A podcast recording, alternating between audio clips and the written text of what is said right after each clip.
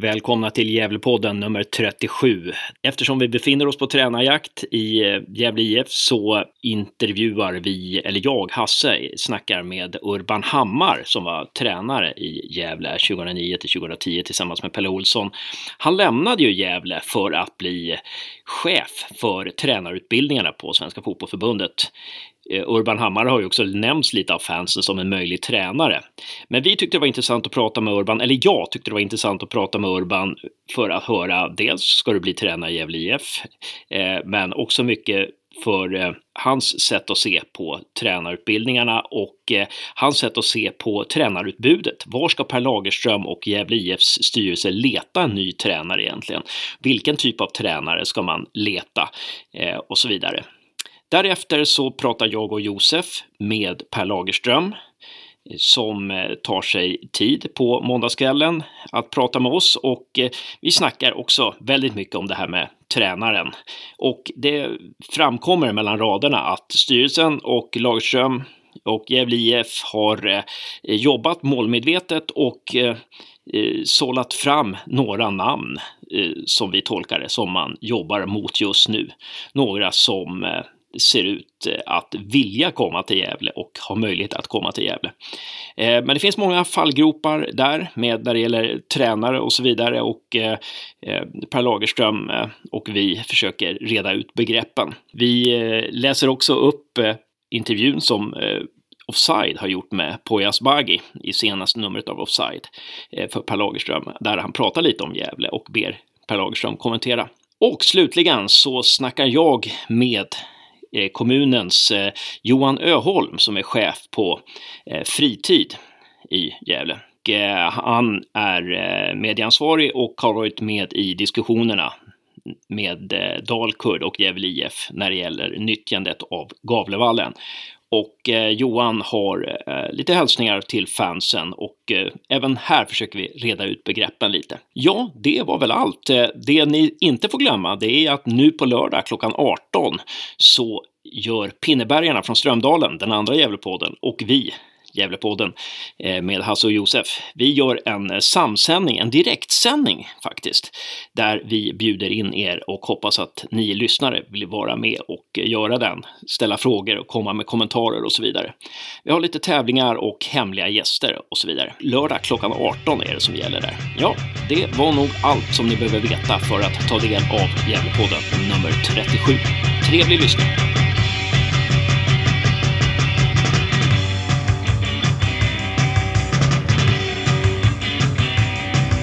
Välkommen till Gävlepodden nummer 37, Urban Hammar. Ja, tack. tack. Och det här är ett samtal som eh, jag har velat ringa i ja, många månader nu sedan vi startade podden i april. Eh, för du har ju inte bara ett förflutet i Gävle utan du, har ju, du är ju, eh, jobbar ju med tränarutbildning på hög nivå. Vad, vad, vad är din exakta titel där på Svenska Fotbollförbundet? Ja, min titel är eh, chef för tränarutbildningen, Head of Coach Education, som vi använder ju mycket engelska uttryck, det är en internationell verksamhet också. Så att jag är ansvarig för tränarutbildningen i, eh, i fotbollförbundet, eh, både på elitnivå och även neråt de olika kurser som vi ansvarar för ända ner till gräsrotsnivå. Så det är en jättestor verksamhet. Mm.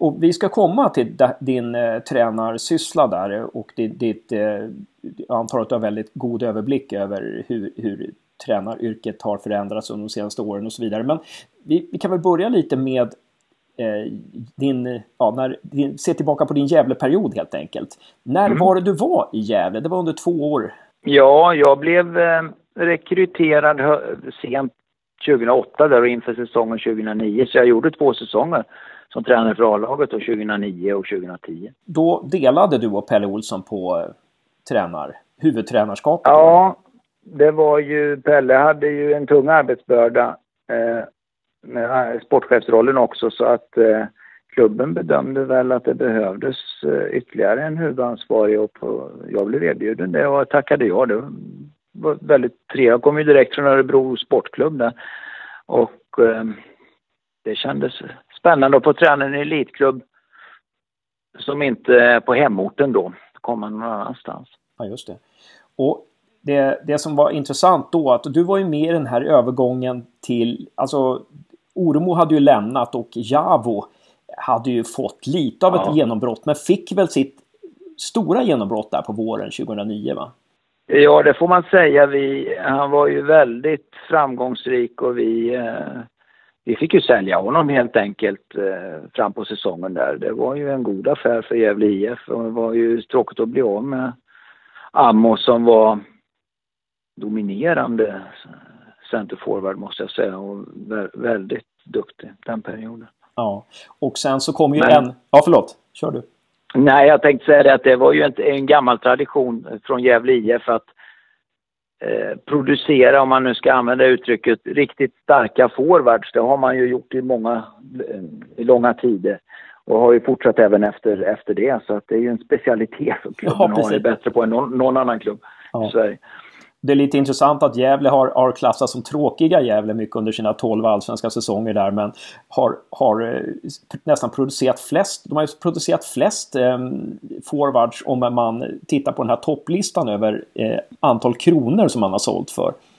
Ja, det där med tråkiga Gävle är ju sån här eh, stämplar som man har svårt att bli av med, precis som jag själv kommer från Örebro SK. Vi var ju också tråkiga i Örebro och sådär.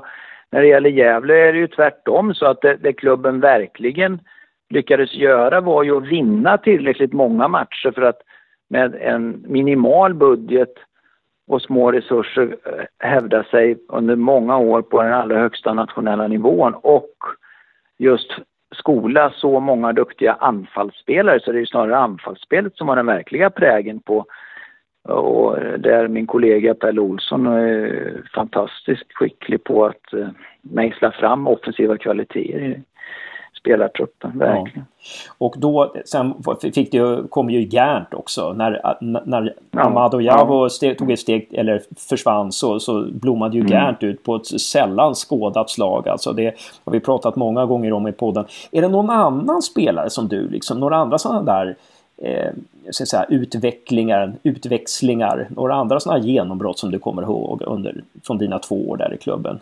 Mm, ja, det var ju det är ganska kort tid. Det är klart det blir mycket man gör under två säsonger ändå. Det är 60 allsvenska omgångar, det hinner ju hända väldigt mycket. Men det var ju, vi hade ett starkt lag alltså och eh, gjorde väldigt väl ifrån oss 2009 där flera spelartyper. Anders Wikström eh, såldes ju som mittback till Elfsborg i den vevan där och det var ju många duktiga spelare, alltså det vill jag säga och vi gjorde bra resultat. Hängde med bland på övre halvan precis hela tiden ända fram till en väldigt olycklig period i september som var poängsvag verkligen och sen så återhämtade vi oss eh, och kom på tionde eller nionde plats det året så det var ändå stiligt. Va? Men då hade vi väldigt, eh, det var inte långt borta från en sjätte, sjunde plats det året faktiskt. Men så kan man ju säga, det, man, man hamnar ju där man hamnar. Eh, men det har varit och nu är du ansvarig för tränarutbildningarna på förbundet och eh, du är även då mm, ja, ansvarig för den här Uefa Pro License-utbildningen där, mm. där Poya Asbaghi och eh, Mackan Bengtsson och, och Per Lagerström går då den här liksom, top, mm. topputbildningen. Mm. Daniel mm. Andersson ska vi också säga, Malmö FFs... Eh, mm, det, det, det stämmer. Det, och eh, om, man, om man säger så, då, hur, hur är ja, vi, vi behöver inte prata liksom hur hela trädet av alla tränarutbildningar är uppbyggd, men när man befinner sig i det här sista stadiet då på en sån här tränarutbildning, eh, hur, är, hur, är den träning, hur är den utbildningen upplagd? Den är upplagd, den är upplagd på det eh, sättet att vi är dels styrda av Uefa. Vi är ju ett medlemsland i Uefa givetvis. Alla länder, 54 stycken är det. Och vi har en, skrivit under sedan lång tid en gemensam konvention som styr eh, de högsta tränarutbildningarna i omfattning och inriktning kan man säga. Sen har ju varje eh, förbund, varje nationsförbund ett stort inflytande över att anpassa det till sin egen fotbollskultur så att säga. Så att för vår del innebär det att utbildningen är på två år och man har eh, ett ganska stort antal kurstillfällen där man träffas. Det sker på Bosön där jag är just nu då. Och ehm, även mycket arbete i egen praktik i sin klubb. Och det är ett omfattande arbete och en ganska krävande utbildning faktiskt att just kombinera då med det uppdrag som man har. Och det är så det ska se ut. Det är ju en nödvändig utbildning att ha för en yrkestränare på elitnivå. Man måste ha en provlicens för att få arbeta eh, de två högsta serierna i Sverige och fram, framförallt är det så i Europa. Vi har ju tagit det lite lugnare med licenskravet i Sverige eftersom vi har ingen lång professionell fotbollstradition i Sverige. Det är de senaste 20 åren kan man säga. Sen Bosmandomen som svensk fotboll har blivit mer professionell tidigare var det en semiprofessionell ren amatörverksamhet som inte ställde sådana krav. Mm. Bara en fråga så här. Det här med kontrakt och tränare, hur fungerar det? Alltså nu har det ju varit väldigt många så tränare som har gått eh, till andra klubbar fast de har kontrakt. Till, med, till exempel Christian Järdle gick ut från mm. eh, Värnamo till Öster och Poja gick från Gävle till till eh, Göteborg och ja, ännu fler tränare som har haft kontrakt och så har man gått till andra. Hur, eh, vilken skillnad, vad är det för skillnad där mellan liksom, tränarens kontrakt och spelarens kontrakt? Ja, det, det är ju en annan fråga. Det är ju ingenting som vi berör i den sportsliga delen av utbildningen. Så det är klart att vi har en hel del juridisk rådgivning och så, men det är ju inte någonting som är eh, prioriterat i tränarkompetensen utan eh, som ofta sköts av andra personer. Men man kan väl säga att det för tillfället är en sån period i svensk fotboll där där flera kontrakt faktiskt har avslutats i förtid även på eh, initiativ av tränaren själv. Det har ju blivit vanligare de senaste 10-15 åren att tränare får sparken även i Sverige och det är ju också som sagt en konsekvens av den här professionaliseringen där arbetsgivarna under press ibland tar sådana beslut att de har, har, eh, sparkar den huvudansvarige tränaren. Väldigt sällan några andra sportsligt ansvariga, märkligt nog. Men eh, det, det, har ju skett. Va? Och nu har det blivit några sådana situationer där tränarna själva har sagt upp sina kontrakt. Och det är ju en juridisk nöt alltså, för det är ju inte meningen att man har ett avtal för att det ska gälla. Men nu har det blivit lite mer åt båda håll här nu, att man ifrågasätter det. det kan, min teori om det är väl att eh, eller nästa konsekvensen av det snarare är väl att vi kommer att få se fler tränare med andra sorters avtal än bara visstidskontrakt och som eh, kommer att bli lite lättare att reglera. Eh, man skulle kunna se tillsvidareanställningar med en fastställd uppsägningstid precis som vilket jobb som helst som ger lite nya villkor både för tränarna själva och för arbetsgivarna. Och det kanske skulle vara bättre. Vi, vi har väl sett lite av det men det kanske blir mer nu. Ja, jag hade inte tänkt ställa den frågan faktiskt men jag har faktiskt sökt tränarföreningen och försökt svara på det. Och de, de, eh, de mm. returnerar inte mina samtal så att eh, jag hoppade på det där. Men vi ska inte ägna oss åt det nu utan nu går vi till det här med Alltså nu har ju du jobbat sedan 2011 på förbundet med tränarutbildningar. Hur, hur har tränarutbildningarna förändrats eh, sedan 2011? Sen du var där? Trender och så vidare? Någon förändring som du upplever? Ja, det är ju ganska mycket. Va? Dels är de ju fler i omfattning. Det som själva utbudet är fler målgrupper generellt då, hela tränarutbildningen. När det gäller innehållsdelarna så har vi väl egentligen håller vi oss till de traditionella inslagen. Det finns en ledarskapsdel, en coachingdel som är väldigt inriktad mot beteendevetenskap. Vi har också en fotbollsfysisk inriktning, alltså hur man planerar träningen och hur man jobbar med belastningen och håller spelarna skadefria och ser till att de är topptränade och även mer match, matchklara eh, under en längre tid. Vår säsong i Sverige har ju förlängts ganska mycket de senaste 6-7 åren när vi spelar tidigt i mars spelar vi tävlingsfotboll ända och en bra bit in i, november och det har ju gjort att vi har en kortare försäsong och en längre säsong som är viktigt för vår konkurrenskraft då internationellt. Och där följer ju tränarutbildningen med. Liksom att vi måste ju se till att spelarna klarar en sån säsong.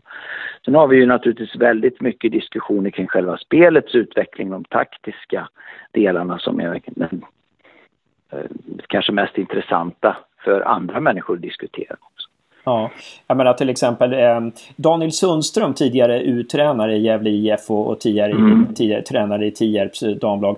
han var med i förra podden och han sa att det är en generations, eh, generationsväxling i svensk tränarkår. Håller du med om det? Ja, delvis. Alltså det är ju så här att vi just metodiken och säg tränarna i min egen ålder som är som mellan 50 och 60 år och har väldigt lång erfarenhet. Våra grundläggande utbildningar är ju äldre och då var det en mer traditionell inriktning mot specialister inom ett tränarteam. Att man har väldigt uttalad fystränare, man har en, eh, kanske till och med en, en speciell tränare för styrketräning. Eh, naturligtvis beteendevetare, idrottspsykologer om man, om man arbetar med sådana. Man har målvaktstränare som är väldigt specialiserade att bara stötta målvakterna i utbildningen nu och det som krävs kompetenskraven för ett tränarteam och en tränare det är att man klarar fler delar. Det får inte vara främmande för en målvaktstränare att hålla ett träningspass med hela truppen när man jobbar med anfalls och försvarsspel. Målvaktens roll i spelet är ju väldigt annorlunda nu. Det har ju gått väldigt fort. Eh, och det gäller likadant med att eh, förstå sitt uppdrag, det ansvarsfulla ledarskapet i alla delar, att leda ett team också, att man har Eh, skickliga eh, kollegor som ska ha mer inflytande som assisterande tränare än vad man kanske hade förr i tiden. Va? Så att det är ju en, också ett resultat av professionaliseringen. Det är väldigt högt kompetenta människor, när vi pratar på elitnivå nu då, eh, som är heltidsanställda i ett tränarteam och det gäller ju att alla ligger på toppen av sin förmåga för att, så att säga, hjälpa laget att vinna matcherna. När Poya Asbaghi kom in till Gävle IF så blev det en stor förändring det här med ja, från 4-4-2 till mm. ja, 3-5-2 eller ja, eh, mm. 3-4-3 eller vad man ska säga. Eh, är, det, mm. är, är det också någonting som du ser en trend i att man förändrar. Jag tänker också på Napolis sätt till exempel att spela, att man nästan ja. inte spelar med renodlade forwards utan liksom, ja, alla är mittfältare som hjälper sig åt att göra mål ungefär.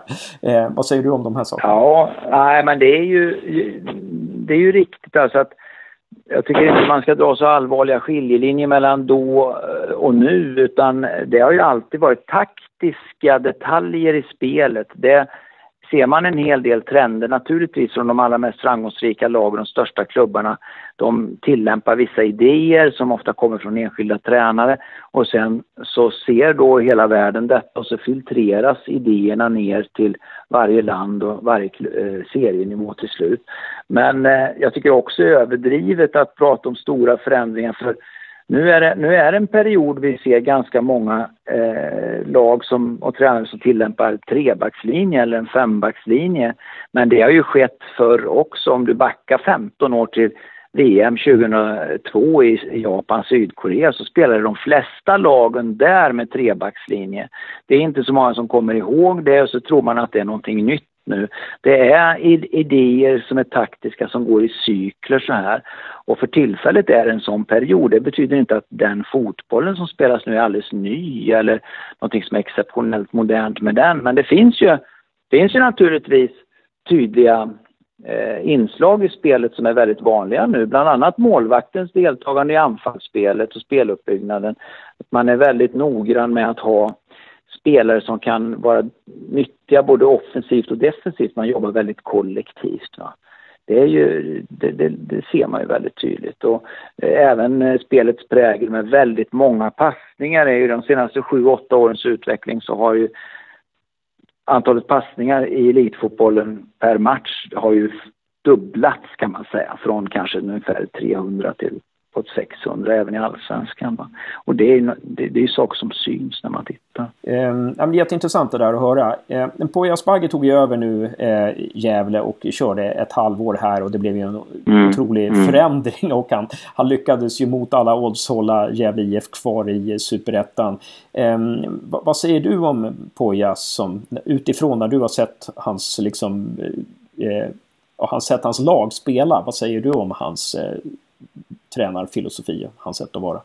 Ja, men han har naturligtvis en del idéer i den meningen att man kanske jobbar med lite annan formation eller att man, eh, man är väldigt noggrann med att utnyttja vissa roller eh, mer offensivt och så vidare eller defensivt. Men det tycker jag väl inte är så revolutionerande i sig utan det är ju mer eh, Boja fick ju också, eller klubben eh, bytte ju väldigt många spelare under tiden så han fick ju en möjlighet där att eh, jobba med ett nytt spelarmaterial till stora delar och också väldigt viktigt kanske.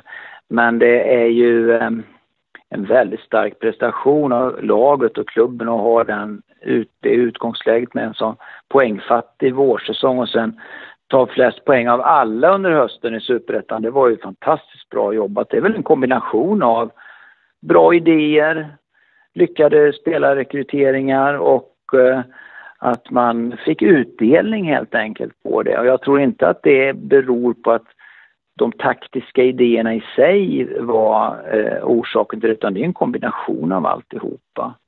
Men det var, det var ju imponerande att skåda. Det var, jag såg ju den, en av de allra första matcherna på plats nere i Degerfors där och det var ju den första matchen som Poja hade och då var det ju inte så bra ordning i laget och då, det är ju väldigt känsligt att göra stora taktiska förändringar mitt i en säsong så. Men han valde ju järvt att göra det och det blev ju sen en, en fick ju mycket god utdelning på det mm. efterhand.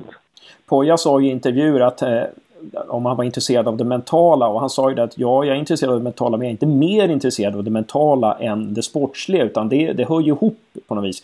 Eh, har du upplevt det bland, liksom, i, den, ja, i den nya utbildningen och bland de nya tränarna att intresset för, för liksom, det mentala eh, är, mm. är större än tidigare?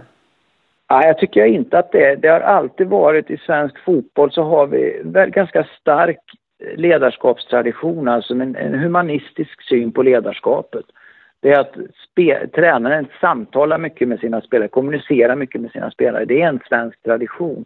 Det är kanske därför det ibland är väldigt svårt för unga svenska spelare att komma till kontinentala klubbar där man har en mer auktoritär hållning till tränaruppdraget än vad vi har i Sverige. Så jag tror inte att man kan sätta ett större intresse nu, men det har alltid varit väldigt viktigt. Och Kanske är det så att de väldigt duktiga rådgivarna, eh, idrottspsykologiska, fotbollspsykologiska rådgivarna är närmare tävlingsfotbollen nu. Det är mer dialog mellan tränare och den sortens experter och kanske också för spelarnas del. Så tränare, vi satsar ju väldigt mycket på det i tränarutbildningen. Det är ju Däremot så tycker jag inte man ska tänka som förr då att det är en helt annan sak utan vi vill ju integrera precis allting. En bra fotbollstränare väver ihop eh, ledarskapsdelar, fysiska delar, taktiska delar till en riktigt, riktigt bra träning varje vecka hela året. Då får man en utveckling. Och det gäller också att lyckas med det som är ett mycket högre krav nu än tidigare, att spelarna måste vara skadefria det är ju en, en, en, kompetens i sig. Att tränare som får väldigt många skador på sina spelare, de får ju problem med eh, både resultat och, sitt jobb. Så att, ja, vi Gävlefans, vi undrar ju nu, alltså nu har ju Poja Asbaghi gått till Göteborg. Vi håller väl på att smälta här fortfarande. ja, men, ja, det är mycket som har hänt. Ja, det är mycket som har hänt. Och det, men, men och det vi undrar är ju, du som har koll på, på svenska tränare och sådär. Finns det fler som Poja? Finns det många Finns det mycket, många nu som Per Lagerström kan eh, liksom vända sig till eh, som skulle kunna klara av det här uppdraget? Ja, alltså det är ju... Det finns ju en kategori tränare som har den utbildningsnivå, den licensnivå som man måste anställa för att Gävle IF måste ju ha en provlicensierad tränare och det, det, är klart att man kan inte säga att det finns särskilt många i december. Det är en väldigt svår situation att lösa ett tränaruppdrag nu där eh, de allra flesta klubbar har uppdragen klara och eh, även tränarna då. Så att det är inte alldeles enkelt. Det är en, kniv, det är en knivig situation, det måste jag säga. Eh, arbetsmarknaden är inte så enkel. Alltså det, det, att tränarna klarar av det, det, det är ingen tvekan om det. Och det finns ju... Det är mer att det inte är så många tillgängliga just nu. Det ska man väl ärligt säga. Ja, just det vad, vilken väg ska man gå då? Ska man, ska man satsa på en tränare som har varit med länge och som har rutin eller ska man, ta, ska man chansa, våga chansa att ha en ung oprövad nerifrån? Ja, det, det, det, är en bra, det, det är en bra fråga och den brukar ju alltid ställas så här på sin spets då när det börjar bli bråttom. Men jag tycker ju, eller jag vet, att det är alltid viktigt att tänka på flera saker samtidigt. Man, man har nytta av erfarenhet. Det är det är en egenskap som är väldigt värdefull. Och man ska inte ställa erfarenhet mot eh, någon slags eh, entusiasm som skulle ge bättre resultat för att man är en yngre tränare och så, utan här är det ju så att goda idéer eh, kommer ju fram både av eh, järva, nya man är innovativ och vågar göra nya saker såväl som att man är väldigt erfaren och förstår vad det är som gör att ett fotbollslag vinner och förlorar matcher och hur man bygger upp ett, ett, ett lag och en kollekt, ett kollektiv som fungerar. Va? Så att det är nog varken åt det ena eller andra hållet. Det gäller att hitta en person som har gärna erfarenhet av att jobba på elitnivå för det är en krävande, eh, det är ett krävande uppdrag, en krävande miljö.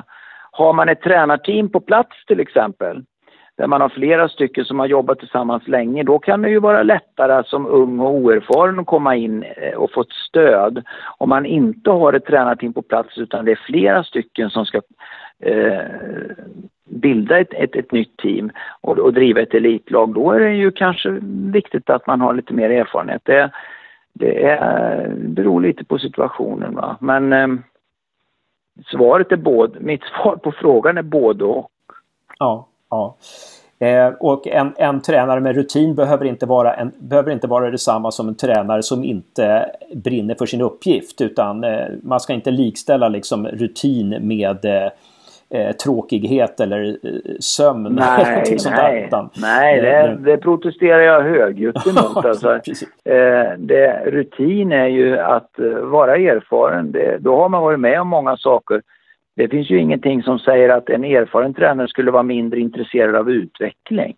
Det är ju en väldig förenkling att tro det medan en ung och oerfaren tränare kanske öppen för väldigt många förslag just på grund av att man inte har upplevt så mycket, man kanske inte har format sin filosofi och så. så att det, det där är ofta en kombination är bra att ha också, att man har kanske någon eh, jag ska inte säga äldre då, men mer erfaren tränare tillsammans med någon som inte är lika mycket, man kompletterar varandra. För att man inte är för liktänkande kan ju vara bra. Samtidigt får man ju inte ha en intern eh, strid där man då ställer idéer mot varandra och inte kommer överens. Så att det är en, det är en balansgång, men det, kan, det, är, det är naturligtvis bra att diskutera. Eh, sportsliga frågor på olika sätt, taktiska frågor, hur man ska spela, vad som passar det spelarmaterial man har. Det är lätt att vara teoretisk. Va? Det är lätt att sitta och tycka en massa åsikter om man jämför med eh, andra lag och så vidare. Men det viktigaste är att man, man kommer till en klubb, vad är det här för klubb? Vad är de lokala förutsättningarna?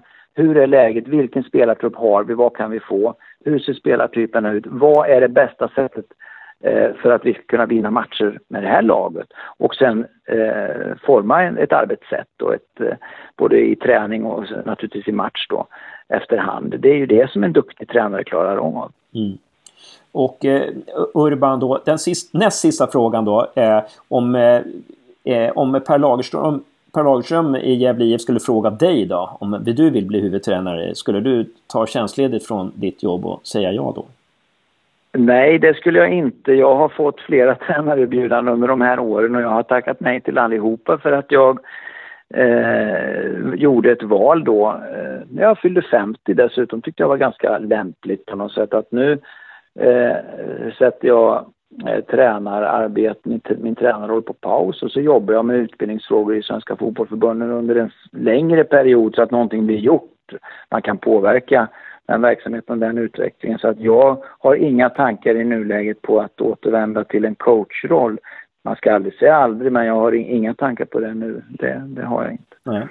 Tack för ditt öppenhjärtiga svar där. Eh, sista frågan då Urban. Om, Eh, om det är eh, unga killar och tjejer som sitter, och, eller gamla killar och tjejer för den, mm. den delen mm. också, som sitter och lyssnar på det här nu och eh, skulle vilja börja med att vara tränare så här, eller finns det någon bra bok som man kan läsa? Har du någon, någon bok eller några böcker som du kan rekommendera som man ska kolla i om man är intresserad av det här med träning och så?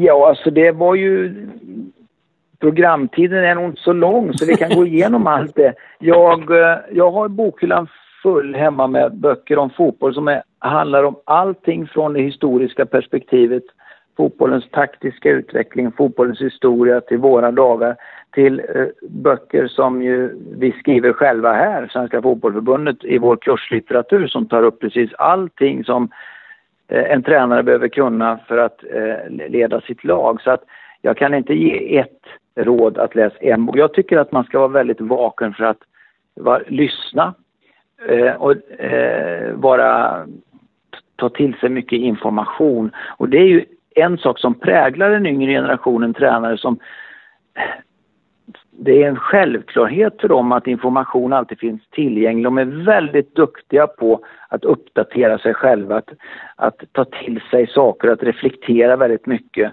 Eh, och ha många, eh, alltså, många saker i luften samtidigt. Det måste jag säga är en egenskap som, som yngre tränare är, är duktiga på.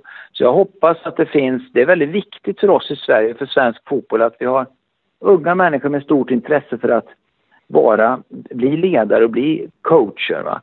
Så att eh, det, det, finns, det finns väldigt många olika sätt att ta till sig information och eh, läsa böcker är ett bra sätt, ett klassiskt sätt som är dessutom väldigt eh, det är rogivande och avkopplande dessutom. Men någon, någon, någon titel har jag inte att drämma till med just nu. Nej, men om man går in på Svenska Fotbollförbundets hemsida, finns det några böcker där som, som vem som helst kan beställa eller måste man gå i era kurser? Absolut, du kan gå in på Svenska Fotbollförlaget som är eh, vårt eh, förbundets förlag. Där ser du uppradat alla våra, eh, all vår kurslitteratur som du kan köpa.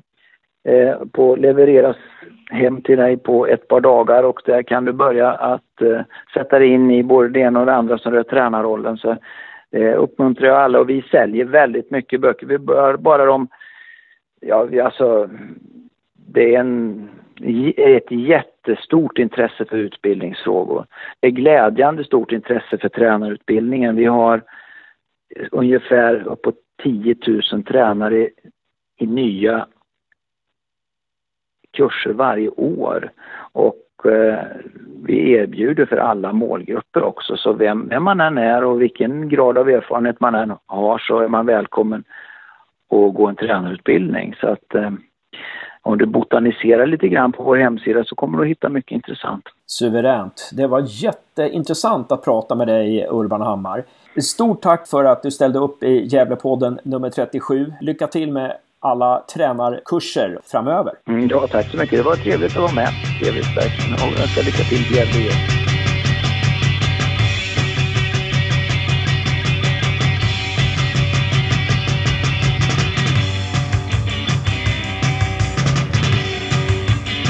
Välkommen till Gävlepodden nummer 37 Per Lagerström. Ja, man tackar. 37, bra jobbat! Ja, tack ska du ha! Det, det ska bli kul att komma upp i tresiffrigt en gång, någon gång framöver, men det, det är väl något år till dess. Ja, det ser vi fram emot. Jag vill också säga, passa på att säga hej till alla lyssnare och visa att jag också deltar i den här intervjun. Så nu har jag gjort det. Nu kan du fortsätta med första frågan alltså. Ja, då tar jag första frågan. Eh, vad jobbar du med just nu när det gäller Gävle IF Per? Vad är det som är, har störst fokus? Stort fokus är tränarrekrytering för herrlaget. Det är väl eh, en stor prio. Sen är det också spelarrekrytering här i lag. Eh, det är de stora punkterna. Ja, eh, och såklart skapa förutsättningar, framförallt ekonomiska förutsättningar för nästa år. Där vi försöker hitta, skapa en verksamhetsplan med budget och, och så vidare. Men framförallt att hitta sätt att spara igen. Skapa fler intäkter och spara utgifter. Och sen har det ju senaste veckan här också aktualiserats med Dalkurd. Så att, ja, det är ett Eh, det är en väldigt intensiv period. Vi har också våra många tränaravtal man säger, i akademin och sådana saker som går ut på den här delen av året. Så vi behöver sätta nya avtal för kommande år. Och så har vi ett par nya medarbetare som börjar på, på kansliet. Ann-Sofie som föreningschef som började idag. Och, eh, vi kommer fler medarbetare som, som eh, Linda börjar i januari. Förhoppningsvis kommer vi presentera någon till här inom kort. Så det, det är en väldigt eh, intensiv period för Gävle just nu. Ja, och Per, har du någon nyhet som du kan bjuda Gävlepoddens lyssnare på? Ja, det skulle jag gärna göra. Jag tycker att det här är ett bra forum och jag har förstått att det är väldigt uppskattat.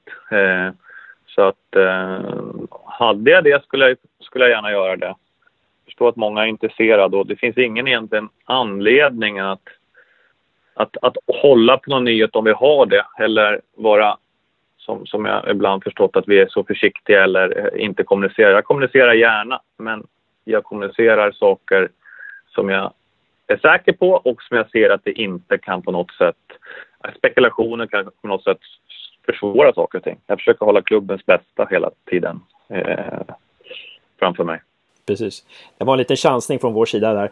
Eh, om det fanns någonting. Men vi kan väl, eh, vi kan väl börja eh, gå in på det här med spelarrekryteringar. Då. Hur, kan man, utan att nämna namn och sådär, hur, hur pass nära är ni att signera något nytt kontrakt med, med en gammal spelare eller ny spelare i, her, i, i herrarnas A-lag? Ja, också... Eh, ja, men, så vi, vi, har, vi har förhandlingar med, med både spelare från truppen men också spelare utifrån. Och det, men det är så otroligt svårt att säga men vi, vi kommer göra det inom två dagar. Det är ungefär lika mycket. Och, och säger man så, då kan man lika då, då har vi signat kontrakt, tycker jag. Utan en förhandling pågår ju för att det är två parter som ska komma överens. Så innan man har kommit överens är det omöjligt att säga att det, att det kommer inom kort eller dröjer lång tid. Det blir bara spekulationer. Jag tror att alla som har förstått och läst media, om vi tar kanske tränarkarusellen i, i, i ehm, i Göteborg till exempel. Så jag, jag, kan inte spekulera det. Däremot kan jag berätta, jag kan gärna svara på att vi för, vi för diskussioner, eh, långtgående diskussioner med både våra egna spelare från nuvarande trupp men också andra spelare utifrån. Och det, det finns, eh, jag ser att det finns ett antal positioner och, och, och, truppen är inte klar utan det ska in spelare i truppen. Så det är klart att det, det blir viktigt och jag hoppas kunna presentera namn. Men det gör vi när det är helt klart. Uh, ja, och uh, spelarrekryteringen finns ju också på damsidan. Är det någonting som ni arbetar på och hur långt gånget är det? Ja, men där, Ja, men där har vi fått in ett, ett antal namn redan ju. Eh, även utifrån så vi förstärkt. Thomas Axel som tränare har, och tillsammans med Niklas Spångberg har, har stort ansvar i det. Så jag delegerar ut det. Så bollar, liksom bolla dem med mig lite grann. Men de, de är väldigt delaktiga i den delen, så vi delar upp det uppdraget. Och där, även där så, så har vi ett par förhandlingar med, med några spännande nyförvärv på gång eh, som skulle vara väldigt kul om det blir klart. Men det, det vet man ju heller inte. Men, men eh, det, det, det pågår förhandlingar även där. Hur många spelare i damernas A-lag ska in? Kan man säga någonting det?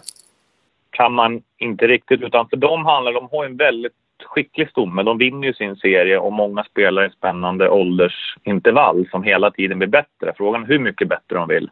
Och sen så vet vi att det är en serie så det kan vara bra att krydda med och det har redan kommit in några med, med, med hög erfarenhet. Det man kanske är ute efter det, det är någon lite spets. Någonting, någon spelare som kanske varit på allra högsta nivå, säg elitettan eller allsvenskan, som, som har någonting som vi inte har. Och då kan vi ta in de spelarna. Eh, ser ingen anledning att förstärka med, med fler spelare samma kaliber, utan då vill vi gärna satsa på våra egna spelare som har varit med på den här resan. Lyckas vi med det så kommer vi ta in någon. Och gör vi inte det så känner vi väldigt trygga och nöjda med en bred och, och, väldigt eh, utvecklingsbar trupp. Um, ja, och eh, det låter jättebra. Men hur, hur många spelare är det som ska in på herrarnas A-trupp då? Ja, eh, nej, man kan väl säga att det är väl, eh, vad vi pratar om, en, eh, ja, en handfull spelare kanske, däromkring.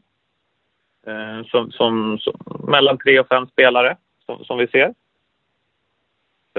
Till att börja med. Sen får vi se. Sen vet man aldrig vad, vad, vad, det utgår från, från att vi behåller alla spelare som vi har. Sen kan det hända saker och förutsättningar kan ändras under en försäsong och sådana saker. Men, men, men där så finns det så just nu så tittar vi på tre till fem spelare. Mm. Ja, just det olika, olika kalibrar. Visst, gärna några etablerade som vi gärna ser och vill ha in. Några som vi ser spetsspelare. Och sen kanske hoppas med, med någon förlängning eller någon, någon, någon yngre talang i det här. Det beror ju på då. Det är ju budgeten som styr väldigt mycket av värvningarna men också balansera ett långsiktigt tänk med kortsiktiga sportliga prestationer. Så det beror lite på Lyckas man kanske med spetsvärvning och den sticker iväg lite kostnad, då kanske det blir några färre spelare. Känner man nej, och någon anledning träffar vi inte rätt där, utan vi har vi kanske kan satsa på två då, som är talanger som, och hoppas att någon av dem slår. Det, det, det kan man ju välja. Vi, tror ju, vi ser ju gärna att, att kan vi hitta... Vi har en ung och utvecklingsbar trupp, tycker vi nu. Eh, också spets i det, men se gärna om det finns möjlighet att, att eh, förstärka med någon eh, riktigt skicklig spelare. Det, det, såg vi effekten av tycker vi, i, efter sommaren här när vi fick in spelare i hög kvalitet. Det gör många andra bättre. Men det är ju både en spelarmarknad som styr och en ekonomi som styr. Eh, men vi önskar ju det. det är det vi jobbar för. Ja, precis, precis. Ehm, och eh, det här med ekonomin som styr och sådär. Eh, det var ju ett snack om träningsläger och sådär. Har ni tagit något beslut om det? Om ni ska åka på träningsläger eller? Ja, men ambitionerna är att göra det. Eh, för att vi vill ju ge vårt herrlag väldigt goda förutsättningar. Man spelar ju elitfotboll och är extremt konkurrensutsatt i, i elitettan. Och då vill vi såklart att vi vill åka på träningsläger. Vi behöver värdera alla saker eh, nu, så därför tittar vi på budgeterna. Ska det innebära att vi kan lyckas få spetsspelare istället, då får vi ställa dem emot varandra. Men på något sätt så måste vi iväg på träningsläger, men det finns ju olika typer av läger. Så, att, så att därför vill vi verkligen undersöka och vända på, på alla alternativ. Så att det är det vi behöver göra i Vi har en helt annan ekonomisk situation i, i superettan. Vi har gått ner från 34 miljoner omsättning till, vi stannar på drygt 20 år. Det är en 14 miljoner, det är en jätteskillnad. Och då behöver vi hela tiden värdera så att vad är absolut bäst här och nu? Eh, och det vet man inte förrän man vet förutsättningar och därför vänder vi på så. Men det är klart att vi på något sätt vill komma iväg på träningsläger. Vi tror att det är en väldigt viktig del för att få ihop laget, få ihop spelet. Eh, men vi vill se över alla alternativ. Så vi, men, men, vi ligger i planering där. Ja. Um... Och när det gäller tränarprocessen, vart befinner ni er just nu? Vi befinner oss i, i, i att vi har ett antal kandidater som eh, vi har tagit en, eh, haft, haft en, antal, en del kontakt med. Um, och eh, försöker hitta, man kan säga målet är att ta, ta fram eh, ett, ett, par slutkandidater eh, som vi kan få träffa och, och sen så, där vi vet att intresset från båda sidor är positivt, alltså en positiv utgångspunkt och att man då kan verkligen matcha och se vilken tränare tror vi passar bäst för, för Gävle IF just nu och vilken, vilken uppfattning får tränarna kring klubben. Eh, så där, där har vi jobbat med, med en, ett ganska brett spektrum till att börja med att ta kontakt med många olika tränare, få tips, få ha egna kontakter, eh, men också för att inventera. Vad, vad är intresset? Vad vill de? Vad står de för? Kan man tänka sig att flytta till Gävle? Vad är det för ekonomiska ramar för att sen då börja tratta ner? Och nu är vi då i nedtrattningen kan man säga. Just det. Så att det, det, det, det, låter ju lovande då. Det låter ju som att när du säger nedtrappning, betyder det då att eh, ni är eh, ja, ni, förutsättningarna är ganska bra för att eh, ja, kunna presentera en ganska snart då? Ja, det, det, det hoppas vi och det är ju ambitionen, det är det vi vill. Alltså, jag skulle jättegärna haft en, en, en tränare på plats i, igår om jag hade haft möjlighet. Eh, men sen, det, det viktigaste är att, det, att, att, att, vi, att, båda parter känner sig nöjda, att det här känns en, en riktigt positiv känsla. Att den som vill komma hit verkligen vill ha det här jobbet och att Gävle IF, vi känner som förening att vi tror att det här är rätt. Om det innebär att, att processen drar ut på tiden, jo då får den dra ut på tiden något. Men kan vi förskynda det här arbetet så ska vi självklart göra det. Men det får inte resultera i att vi inte är tillräckligt noggranna eller att vi inte har fått chansen att träffa personen och göra så. Att, för att det är, vi vet hur viktigt det är med tränare. Vi har också respekt för hur svårt det är med tränare. Och det, det vill jag också säga. Det här är en jättesvår svår uppgift. Ehm, till, dels så, så, vill jag påstå, men om vi tittar på superettan så är det lite andra tränarlöner i superettan. Det gör om man till exempel har familj i allsvenska tränare tror jag mycket, kanske hela familjen kan leva på en allsvensk tränarlön många gånger. Eh, och då kan man kanske flytta familjen och så, så löser det. I Superettan ligger inte lönenivåerna på den eh, delen utan då har man familj så ska man kanske hitta till jobb sin respektive och sådana saker. Och det gör att, att tränarna i Superettan, upplever jag, inte är lika flyttbara. Eh, vi ser i de olika lagen väldigt mycket lokala tränare eh, och sen några så, som de hetaste namnen vill uppåt. Vi har sett i, i svensk fotboll att det är många allsvenska klubbar som, som rycker i dem och det är precis som spelare så är det här elitidrottsmän eller kvinnor som, som verkligen jobbar efter. Så där, där, där är det en svår uppgift. Det är väl det som, jag vill bara förklara det, inte för, eh, för alla, att det, vi, vi, vi har vissa begränsningar, vi har mycket saker att ta hänsyn till som vi försöker som vi försöker göra just nu. Det har ju, eh, jag vet att du läser forumet lite ibland, Gävle IFs forum på Svenska fans, eh, som har varit, som har väldigt, jag, jag, sen Poja gick så har det nästan exploderat ännu mer. Det är ett av Sveriges fem mest eh, skrivna forum. Men eh, eh är det, har det varit några vettiga förslag där eller tycker du att folk är mest ute och cyklar? Ja, nu, nu nu berättar du att jag läser på, men det tycker jag, det kan jag säga att det, det, finns ett värde i det ändå tycker jag. Att, att jag, precis som all omvärldsbevakning så det är klart att det, där, det finns ett härligt engagemang. Nej, jag tycker att det finns, eh, har nämnts många tränarnamn där eh, som jag tycker är, är, klart relevanta. Sen vill, vill inte jag kommentera, men, men det, det jag vill säga då om man får dra sina egna slutsatser att allting ska ju funka åt båda hållen. Dels ska det passa för Gävle IF och dels ska det passa för den individen. Och det kan ju vara många förutsättningar som man inte gör det. Så även fast det är en superkompetent tränare så kan det vara så att vi, vi är intresserade men, men, men tränaren själv kanske har andra saker som passar. Så att det, det är ju en ganska komplex, kom, komplex situation det här med rekrytering. Ehm, du uttalade i tidningen nyligen i ABGD där att ni hade fått nej från några tränare. Eh, vad, vad, har de här nejen berott på? Kan man ta fram någon, någon sån här mm. orsak? Mm. Ja, men det är som jag sa, det, det, det, jag vill bara koppla tillbaka det. Det blir ju så när man ringer dem, man får massa namn. Vi har några namn, jag kanske har några namn, vi får tips på namn. Då, då blir ju första kontakten och fråga, hej, vad, vad, så här tänker vi, är du intresserad? Och då har vi, så det är inte så att vi har, vi, vi går ner på listan, nu tar vi alternativ sju, utan vi, vi ringer många i början. Och eh, ja, men flera av de namnen har, har handlat om att eh, bland annat situationen att, att flytta eh, en familj, familjesituationen, att man är tveksam till det. Eh, man har suttit i diskussioner eh, med, med, flera alternativ. Ehm, eh, och man kanske inte är ledig eh, i vissa fall också då. Där, där kan man ju alltid göra det. Så att det finns lite sådana alternativ. Men många, de allra flesta är väldigt smickrade att, att Gävle IF hör av sig och uh, anser att Gävle IF har ett gott rykte i fotbollssverige. Så det märker man. Att det alla lyssnar verkligen. Det var ju väldigt, Ja, det var kul. Det var ju väldigt intressant också det här att, att du berättar hur ni jobbar lite där. Att ni, att det, det eh, vi spekulerade lite i förra avsnittet det här med, med tillsammans med Don, eh, Daniel Sundström och, och Karin Johansson där lite om, om hur ni jobbar och sådär. Men det, vi, det, det är intressant där att ni liksom, ja, ungefär som när man ska eh, när man ska pitcha en idé, att man samlar in massa idéer ungefär. Att man, Eh, man, men brainstorm, jag har brainstormat kan man säga liksom, eh, högt genom att ringa folk och prata med varandra och sådär. Så, så det, det, var spännande. Att ni börjar ganska brett liksom och sen börjar ni koka ner det på något vis. Mm. Eh. Precis. Ja, och eh, i den här tränarprocessen också, kollar ni av utländska tränare någonting? Det också? Jag har fått en del tips från det. Jag kan säga att vår prioritering är är i första hand att, att titta eh, inom Sverige. För att jag tycker att det blir en, en större en större osäkerhet när man tittar utomlands utan att stänga det alternativ. Det ska man inte göra. Det finns många duktiga tränare där men på något sätt så är det, tycker vi, viktigt att man eh, har en förståelse kring, kring situationen och kring svensk fotboll eh, eller väldigt tydliga idéer.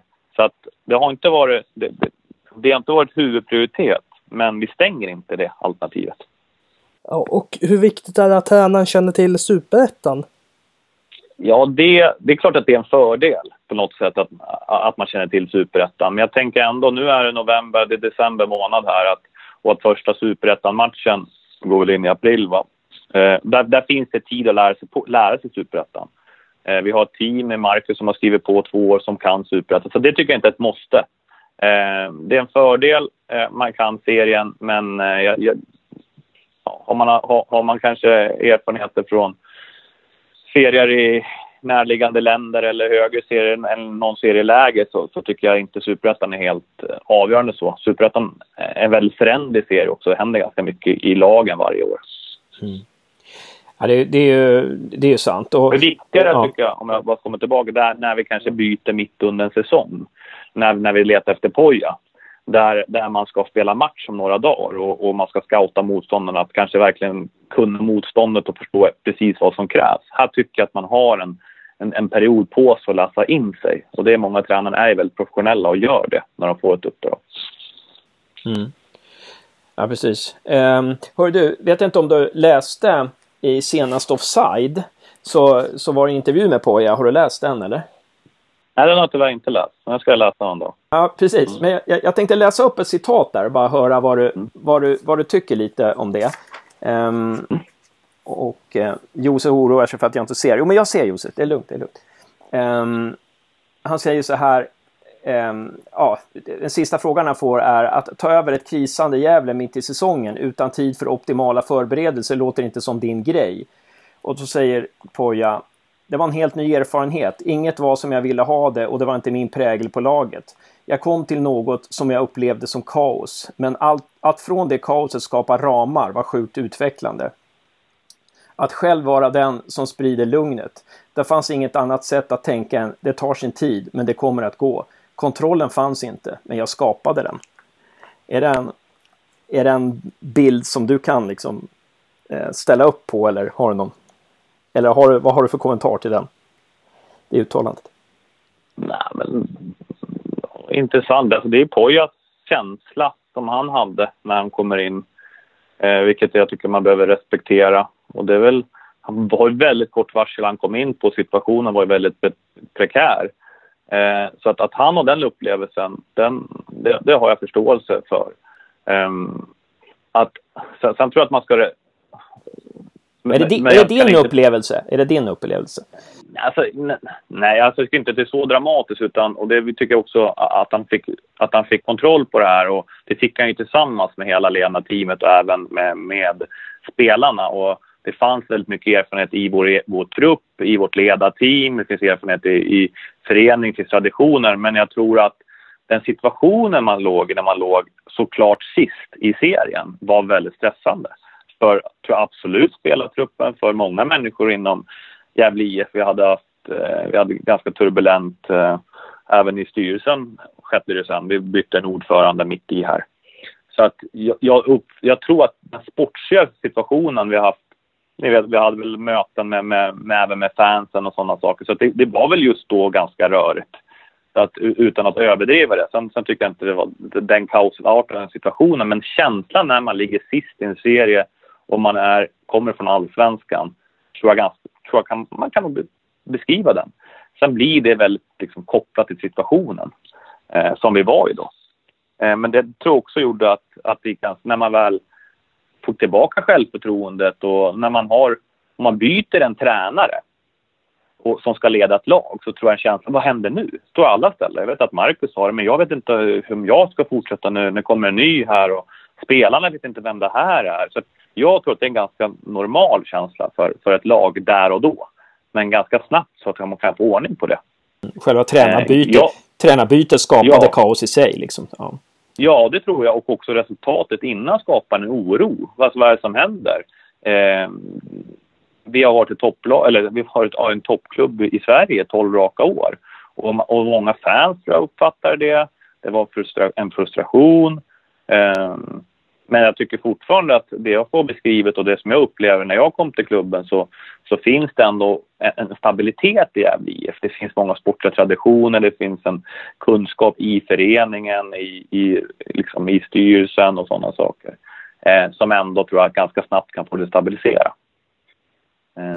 För att det, så, som fan när man läser det där så är det, oj hjälp, Gävle, det är bara kaos i hela Gävle. Liksom. Att man tänker så, det, bara, det var bara Poja som kunde gjuta eh, icke utstråla icke-kaos, allt annat är kaos kan man liksom få för sig där. Man. Mm. Ja, men det, det, så, så, så tolkar jag inte jag. Jag tror att det är hans känsla, jag tror att det är en känsla kopplad till sporten när man byter det. Och jag tror också att, att just att Poja fick ganska tydliga mandat och riktning och, och vad var han skulle göra. Eh, tror jag att laget gemensamt med föreningen, gemensamt med ledarna och spelarna fick det här eh, åt rätt håll.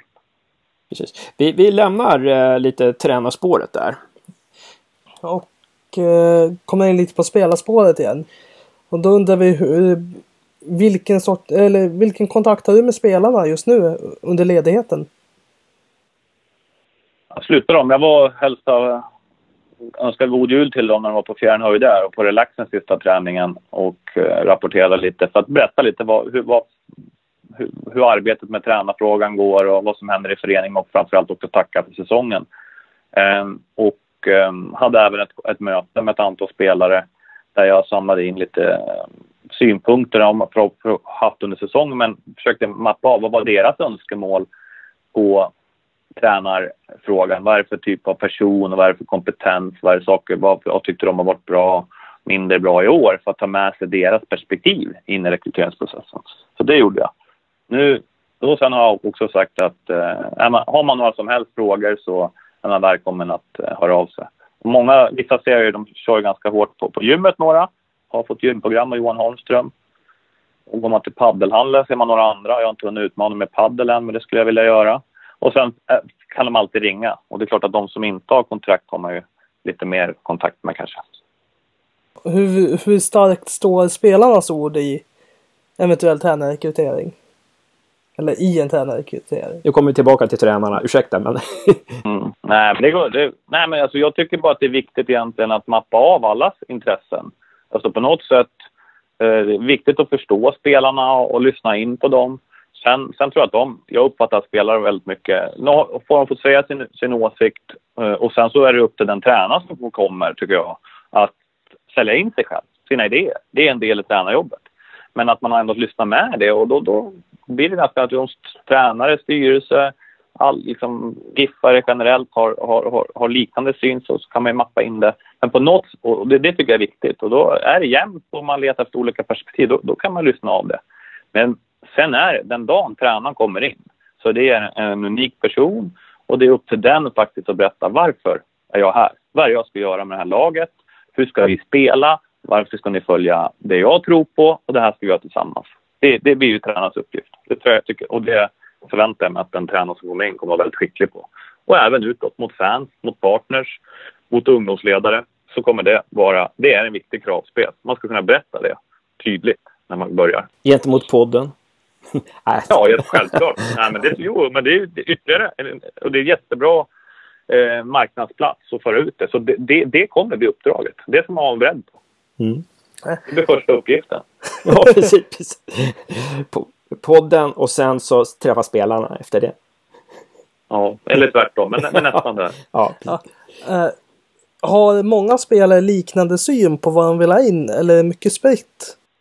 Nej, jag tycker att det var ganska liknande syn. Och, och sen, sen, är det också så att det är lätt att, eh, att kanske bara titta på den senaste perioden, det är det man kommer ihåg och kanske inte fundera på hela sin karriär. Utan då blir det ganska naturligt. Men, men eh, jag tycker det är en ganska tydlig samsyn. Eh, vi såg på Instagram idag att Theodor Olsson har skrivit på för Sirius. Eh, eh, visste du det? ja, det visste jag. Det tycker jag är tråkigt. Ja. Men, men roligt för Theo. Om det är det, ja, eftersom det är det han vill. Nej, men det är tråkigt. Det är en väldigt, tycker jag, en duktig ungdomsledare. En, han, han lever ju och andas fotboll, Theo. Theo har fått en väldigt stor roll i år. har Han fått. Han får en väldigt viktig roll i Gävle IF, men ganska lite erfarenhet. Har gjort det jättebra, men en väldigt tuff säsong som även faktiskt som akademilagen har haft. Vi vill jättegärna eh, ha Theo kvar. Det var inga snack om det. Han får väl svara själv, men den, den bilden han har berättat för mig är att dels så, så, har han många vänner i Uppsala, han har studier som han vill koppla ihop tillsammans med att vara fotbollstränare eh, som finns i Uppsala. Och, och sen då få chansen att också bredda sitt fotbollsintresse eh, och få se någonting annat i Gävle Han har varit i Gävle och det kan jag väl tycka på ett sätt eh, är ganska sunt. Att man som ung tränare får fler infallsvinklar. Och jag tror och hoppas att Theo kommer komma tillbaka till Gävle det, det, det är det vi har pratat om. Kommer ni ersätta honom? Ja, vi kommer eh, att ersätta Theo. Eh, vi tittar ju på nu med, med slutrekrytering till, som, till de olika tränarna i våra akademilag. Mm. Och, och, och, där har vi, vi fick en, det kom en fråga på forumet här också till oss. Eh, eh ja, vilka förändringar och förbättringar inom akademin kommer man göra till nästa säsong? Kan du, är det någonting som är på gång där? Ja, No, ja, alltså vi hoppas och, och, och, och tänker att vi ska försöka lägga mer fokus, mer prioritering på akademin. Att, att ta upp på agendan och se att vi kan vi försöka hitta någon som på något sätt kan koordinera få ansvaret för akademin så vill vi det.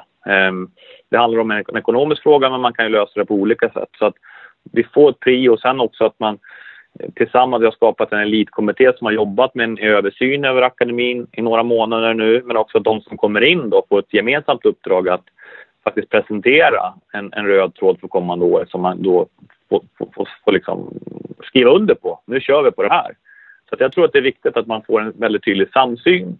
Eh, att, att de som kommer in får vara med och, och, och göra ett planeringsarbete här nu i, i januari. Och sen så börjar vi genomföra det och så får man utvärdera under året. Och kan vi få in någon kompetens som, som även lite närmare kan vara den som har huvudfokus på akademin så skulle vi väldigt gärna ha det. Det var ju ett och ett halvt år sedan vi hade en akademiansvarig med Marcus Bengtsson. När han, den rollen slutade ju han när han fick kliva in som assisterande tränare där med Thomas Andersson. Och sen dess har ju inte, det var vakanser så har vi inte haft ekonomi till det. Men det behöver ju inte alltid vara en heltidsanställning utan kan vi hitta annan kompetens, eh, för det har vi inte råd med, men, men så ska vi försöka göra det. Och det, det, det är arbetet just nu. Mm, en spindel i nätet liksom där skulle vara bra. Ja. Ja men eh, jättetack Per. Ja, nu har vi gjort hela, ställt alla våra frågor. Nu måste vi fråga. Eh, någonting du tycker vi har glömt att fråga dig? Eller någonting du vill, någonting du vill säga? Du får ordet. Någon, någonting du vill lägga ja. till här som du tycker vi glömt? Nej, men jag tycker att på något sätt, jag, att det är viktigt att jag ställer gärna upp på de här alltså man får, och man får fråga mig och man kan ringa till mig. Det finns liksom ingen strategisk tystnad. Eftersom jag läser forumet ibland har jag även sett det. Men också för, från Gävle IF. Utan vi är ett väldigt intensivt arbete. Vi jobbar. Har vi frågor om processer så kan vi gärna berätta om processer. Men som jag sa, jag kan inte heller, jag vill inte lova saker jag inte kan hålla och sådana saker. Och det arbetet är i full, är, är i full gång. Eh, och ja, i bästa världen så löser man det snabbt och ibland så går det av olika anledningar inte. Och då när det är klart då så kanske man kan förklara liksom, vad var det som hände, varför tog det tid och vad hände så. Eh, och i vissa processer så, så, får man bara försöka ha förståelse för det. Det är väl det jag vill beskriva, att det finns ingen strategiskt initiativ eller nu ska vi vara tysta utan jag tycker vi ska vara så öppna och transparenta som, som det bara går eh, och svara på frågorna. Men vi vill inte på något sätt att ja, men nämna ett tränarnamn som vi förhandlar med och så blir det inte den och så kommer en annan tränare som känner det. Att det, alltså det, det, det blir inte bra, tycker jag. Samma med spelare. Kanske vi säger att vi har den här på gång in och så får någon annan klubb upp ögonen för den och så kostar det x antal tusen dyrare i månaden. Det, det, det vill inte jag. Utan vi, vi försöker jobba liksom hårt framåt. Eh, men det är ett svårt och utmanande arbete. Det är det. är resurskrävande och det vill jag påstå att det här med att vi också ska kanske få grannar på Gavlevallen tar mycket tid. Och eh, en tid som vi helst inte skulle vilja lägga på att försöka hitta ett samarbete med en annan klubb utan vi vill lägga den tiden på att utveckla vår egen klubb. Nu, nu blir vi tvingade till det. Så det är ytterligare en arbetsuppgift som kommer på.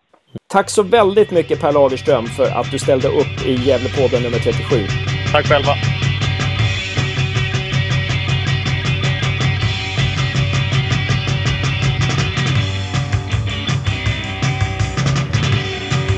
Välkommen till Gävlepodden 37, Johan Öholm. Mm, tack så mycket. Och du är, är det rätt formulerat om jag säger att du är chef för eh, Gävle fritid och kultur, eller?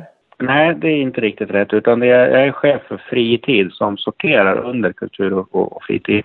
Det finns också en förvaltningschef, men jag är chef för fritid. Just det. Just det. Och eh, eh, vi är jättetacksamma att du tar dig tid så här på tisdagen. Och eh, det vi tänkte höra med dig om det är ju lite det här med Dalkurd och Gavlevallen och lite sådana här saker. Och vi börjar i den änden så får vi se var vi landar helt enkelt.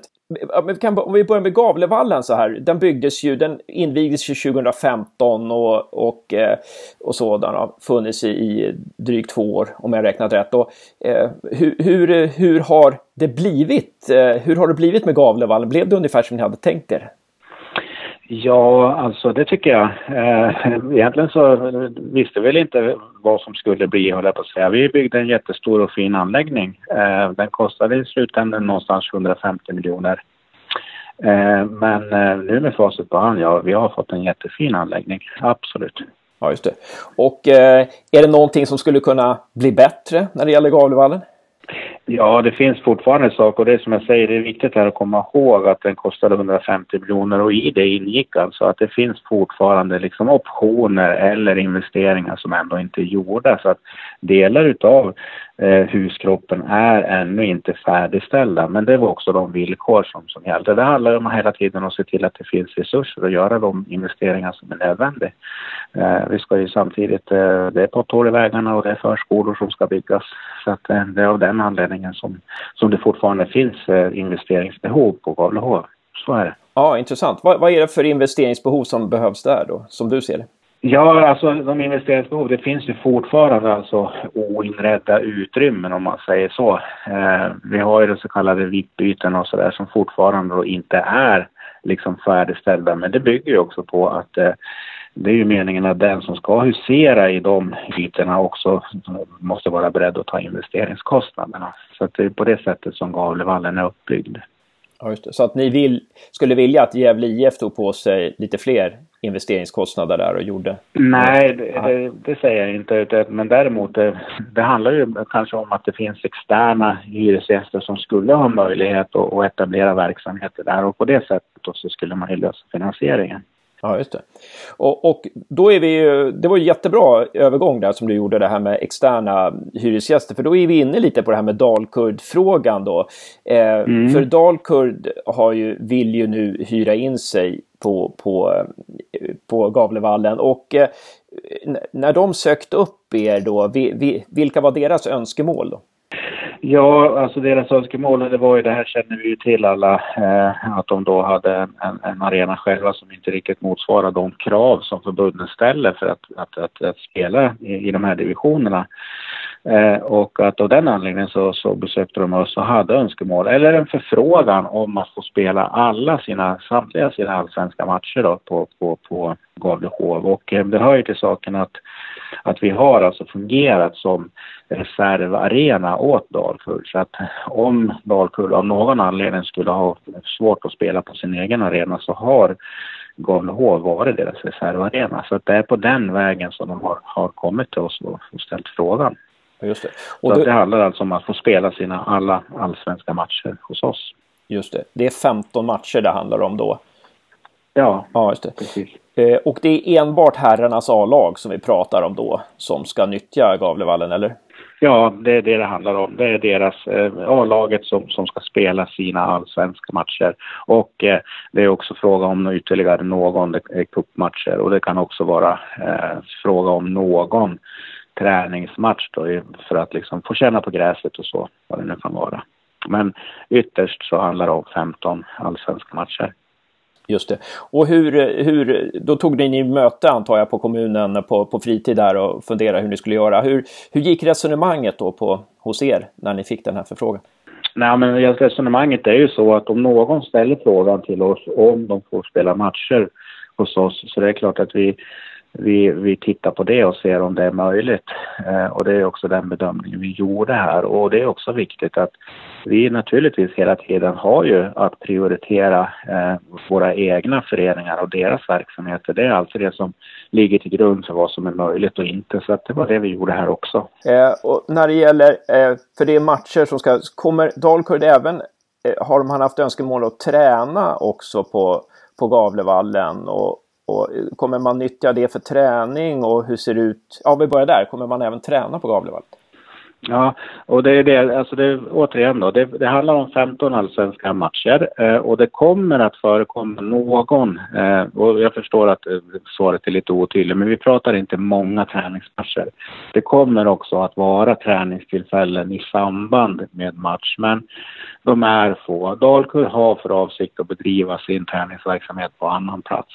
Eh, så att det är bara i samband med match och sådana, men där är också eh, villkoren tydliga. Att, att eh, det är klart att vi eh, försöker bereda eh, sådana möjligheter, men det får heller inte eh, ha någon eh, negativ inverkan på, på den verksamhet som redan eh, bedrivs på Gavlevallen. Det är möjligt att det kan bli fråga om flytt av någon enstaka tid hit och dit, men villkoren är att, att eh, att vi måste först och främst prioritera våra egna föreningars verksamheter. Och det här är, dagkull eh, det har de förståelse för. Ja, just det. Eh, och när det gäller kansli och gym och andra faciliteter, VIP-restaurangen och sånt där, hur, hur har man behov av det också där från Dalkurds sida? Eller? Alltså, det här är också viktigt därför att vad vi har sagt eh, både till GIF och Dalkurd, det är viktigt att de eh, får kommunicera med varandra och hitta samarbetsformer kring, eh, kring vad faktiskt GIF kan hjälpa Dalkull med. För det är viktigt här att Dalkull har ju naturligtvis ingen eh, organisation liksom färdig och klar för, för verksamhet eller arrangemang i Gävle, men det har GIF. Så att här finns det ju liksom bra möjligheter för dem att, att, att gemensamt hitta eh, samverkansformer eh, som båda har liksom en, en, en vinning utav. Och då pratar vi naturligtvis de här liksom offentliga ytorna skulle jag säga, där VIP naturligtvis är en sådan. Men när vi pratar om, om kanslidelar och sådant som, som, som GIF redan hyr så är det, det är GIFs område och det är ingenting som, eh, som Dalkurd liksom eh, kommer att ha eller kunna ha användning utav.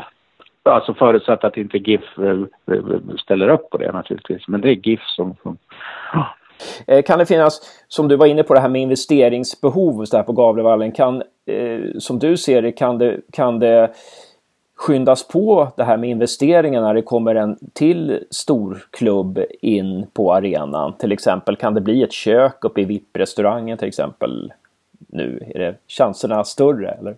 Alltså, det är väl egentligen ingenting som jag ska uttala mig om eftersom det också är en, föremål för liksom politiska beslut. För återigen, det är väldigt mycket Eh, som behöver göras i Gävle. Det ska byggas bostäder och förskolor och så vidare. Så vad som, vad som alltid kommer först i, prioriteringen, det kan inte jag riktigt svara på. Däremot så är det ju så att eh, att eh, om vi har liksom flera lag som spelar i högsta serierna så, så ställs ju krav från förbunden och eh, liksom får vi flera sådana tillfällen, ja då blir ju också behoven påtagliga. Jag kanske inte pratar om VIP-ytan då främst, men jag pratar om toaletter och så vidare. Eh, men om det här och just nu innebär att processen skulle liksom prioriteras eller skyndas på, det kan jag inte svara på. Hur, hur, upplever du samtalen mellan, när ni har suttit ner med Dalkurd och Gävle IF så här? Hur, hur har du upplevt samtalen? Alltså jag upplever dem som, som, som goda. Eh, och som sagt, jag, jag hoppas verkligen att, att, att Dalkurd och GIF eh, kommer eh, att hitta samarbetsformer som också, som också GIF har glädje och nytta utav. För att eh, någon annan intention finns ju inte heller naturligtvis utan självklart så vill vi väl någonstans eh, finna lösningar på saker och ting som någonstans gagnar så många som möjligt och, och definitivt inte finna lösningar som innebär att någon eh, förlorar förutsättningar för så får det inte fungera. Eh, hur, hur, är det med beläggningen på, på Gavlevallen? Jag tänker på planen där. Hur, hur, ser, hur, ser, hur kan man uppskatta i procent hur mycket den används just nu?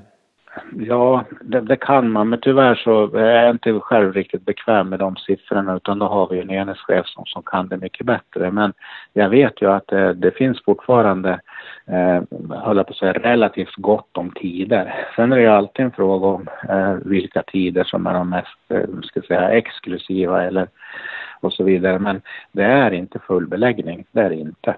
Nej. Vad ska man kunna uppskatta? Det är 50 procents beläggning, 75 procent, 90 procent? Ja, jag, jag känner att det, det, vad jag nu än väljer att säga så, så har jag risk att, att, att säga fel. Så jag vet inte säga Nej, Men jag kan säga så mycket att det finns fortfarande relativt gott om tider kvar, ja. Mm. Ja, okay. Och hur, hur, hur är läget när det gäller intäkter och utgifter på Gavlevallen för, för er del? Ja, alltså det läget, och det måste man förstå eftersom det här är en, en kommunal anläggning så subventionen är ju alltid enorm. Eh, du har inte eh, tillbaks i intäkter det anläggningen kostar i kommunala skattemedel. Så är det ju. Eh, så att eh, den där eh, hallen finansieras naturligtvis med skatteintäkter ytterst. Det är en väldigt liten del som består av intäkter. Okej, okay, okej. Okay. men det, räknar man med det som, alltså räknar alla kommuner med det när man bygger sådana här arena och upplåter den så räknar man med, man kommer inte gå med vinst utan man gör det för eh, eh, ja, friskvården, fritiden för, för det ja, kommunala precis. bästa. Det är, ju liksom. så. det är ju liksom kommunala subventioner och det är ju så med alla våra anläggningar att eh, vi balanserar inte kostnaderna med, med intäkter utan kostnaderna balanseras med skatteintäkter. Så att, eh, eh att hyra tider och så vidare, eh, det är en det är en väldigt liten del uh, utav, uh, ja det är en liten del utav det som täcker den totala kostnaden utan det är skatteintäkter. Så att, och det här är väl viktigt att förstå också att, eh, att eh, det är alltså eh, finansierat med offentliga medel. Så egentligen kan man säga att när Dalkurd kommer hit och hyr in sig så är det bra för kommunen då, för kommunens ekonomi?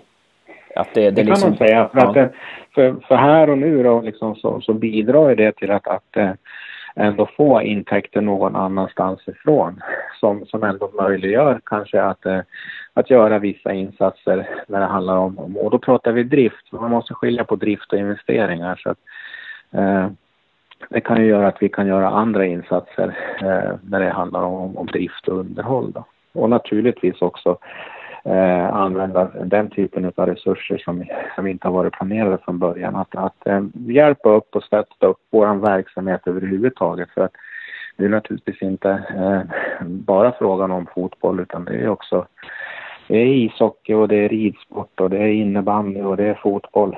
Så att eh, det är eh, den kommunala subventionen ska ju naturligtvis gå till väldigt mycket så att kommer det då intäkter så är det naturligtvis jätteglädjande. Och det viktiga är ju att de här intäkterna ska gå till, till ytterst barn och ungdomsverksamhet. Kan man tänka sig förlängning att Gävle IF kan vinna på det här på något vis ekonomiskt, att det kommer in, att Dalkurd kommer in? Ja, alltså jag kan ju inte, det där är ju naturligtvis en sak för, för GIF och Dalkurd, men jag hoppas och tror det, eh, att, eh, att GIF kan dra nytta av att, att, att, äh, att, att Dalkurd faktiskt har ett behov av hjälp och stöd ifrån GIF när det handlar om matcharrangemang och så vidare. Men det är liksom en sak för, för GIF och Dalkurd att komma överens om. Och jag tror naturligtvis att fotbollen eh, överhuvudtaget har att vinna på att vi åtminstone under en säsong då har, har två elitlag som, som, som skapar attraktionskraft och så vidare och, och är bra för fotbollen.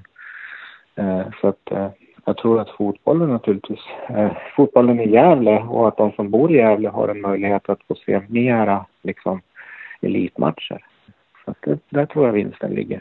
Eh, lite känslomässigt också alltså. Men jag tänker så här då, um, alltså som fans tänker man ju också att jag menar, eh, Dalkurd kommer hit eh, och lånar arenan så här att det kan ju också bli att det blir merkostnader. Jag tänker på om Gävle IF som är en ganska slimmad organisation behöver sitta med eh, eh, att det blir mer jobb för Gävle IF då, då kan det ju också bli en kostnad. Och även för kommunen, om det blir ett merjobb för kommunen, om det är mer jobb för Jocke där uppe till exempel, att det blir en, att det också för med sig kostnader. Ja, alltså det är klart att eh, om vi får fler som använder arenan, Nu är den fortfarande inte 100 procent eh, nyttjandegrad, men Eh, ju fler som kommer så skapar det mer jobb och där kan man ändå säga också att sådana här intäkter bidrar till att i så fall hantera den merkostnaden. För det är ju ingenting som ska drabba GIF. Alltså återigen, det är jätteviktigt det här att det här arrangemanget eh, ska inte på några vill, alltså det ska inte skapa bidra till sämre förutsättningar eh, för GIF för att då är vi absolut fel ute. Tvärtom, Eh, vi har lyckats eh, om det också eh, innebär att de har en möjlighet att få ut någonting av det, ett mervärde. Och det är naturligtvis målsättningen. Så det, det, är inte, det är inte meningen liksom att GIFs kanslipersonal, om de sitter och jobbar väldigt många timmar med det här att sitta i diskussioner med Dalkurd så att de inte hinner med andra grejer, då kan, de, kan man tänka sig att de kompenseras för det då, eller hur, hur kan man tänka sig? Ja, jag tänker att om de, om de kommer överens med, med något avtal med, med Dalkurd kring arrangemang och så, då utgår jag från att de blir kompenserade. I övrigt så, så ska de ju inte eh, belastas eller bli inblandade i, i, i, diskussioner liksom, där de måste lägga ner tid och arbete. Det är klart att de har varit med i inledande möten, men det är liksom en förutsättning. Men i övrigt så ska ju inte deras insatser kring detta eh, ska inte belasta dem ekonomiskt. Jättebra. Jag har bara ett par frågor kvar. Jag hörde någon rykte här att det, var, att, eh, att det inte är säkert att Dalkurd behöver använda Gavlevallen hela 2018 utan att de kan komma till Uppsala tidigare, alltså redan under 2018. Har du hört någonting sånt där? Nej, det har jag, har jag inte hört och, och det är väl så med rykten att det är många sådana som florerar i olika avseenden. Men eh, det här kan jag inte, känner jag inte till faktiskt. Nej, nej, precis. Men det är 2018 som det gäller först och främst. Ja. Kan, kan det bli aktuellt att man även finns i Gävle 2019? Har ni pratat någonting om det? Nej, utan vi pratar om 2018. I, i min, min värld så, så, så kommer Dalkull att ha en ny arena 2019 så att det är 2018 och vi pratar inte om någonting annat än 2018. Ja, just det. Eh, jättebra. Eh, vad skulle du vilja, eh, näst sista frågan här, vad, vad, skulle du vilja säga till fansen nu som är oroliga och som är förbannade här. Nu kommer Dalkurd in här och det är vår arena och eh, eh, ja, det, de, det, kommer bli sämre för GIF och de som är upprörda här nu då, hur, hur, hur vad, vad, vill du säga till dem? Ja, nej, men jag tänker att jag har en enorm respekt för, för, för fansen och, och kan liksom förstå, men då är det också väldigt viktigt att, att eh, det här ska naturligtvis inte påverka eh, GIFs ekonomi eller förutsättningar. Sen är det också viktigt att eh, arenan, om vi pratar vår arena, så är det ju naturligtvis alla Gävlebors arena. Eh, så att, eh, och, och, det är viktigt och det är också någonting eh, att hela tiden beakta också. Eh, och det viktiga med arenan är att den liksom används och att den, eh, alla de här investeringarna som är gjorda också liksom kommer till nytta och glädje.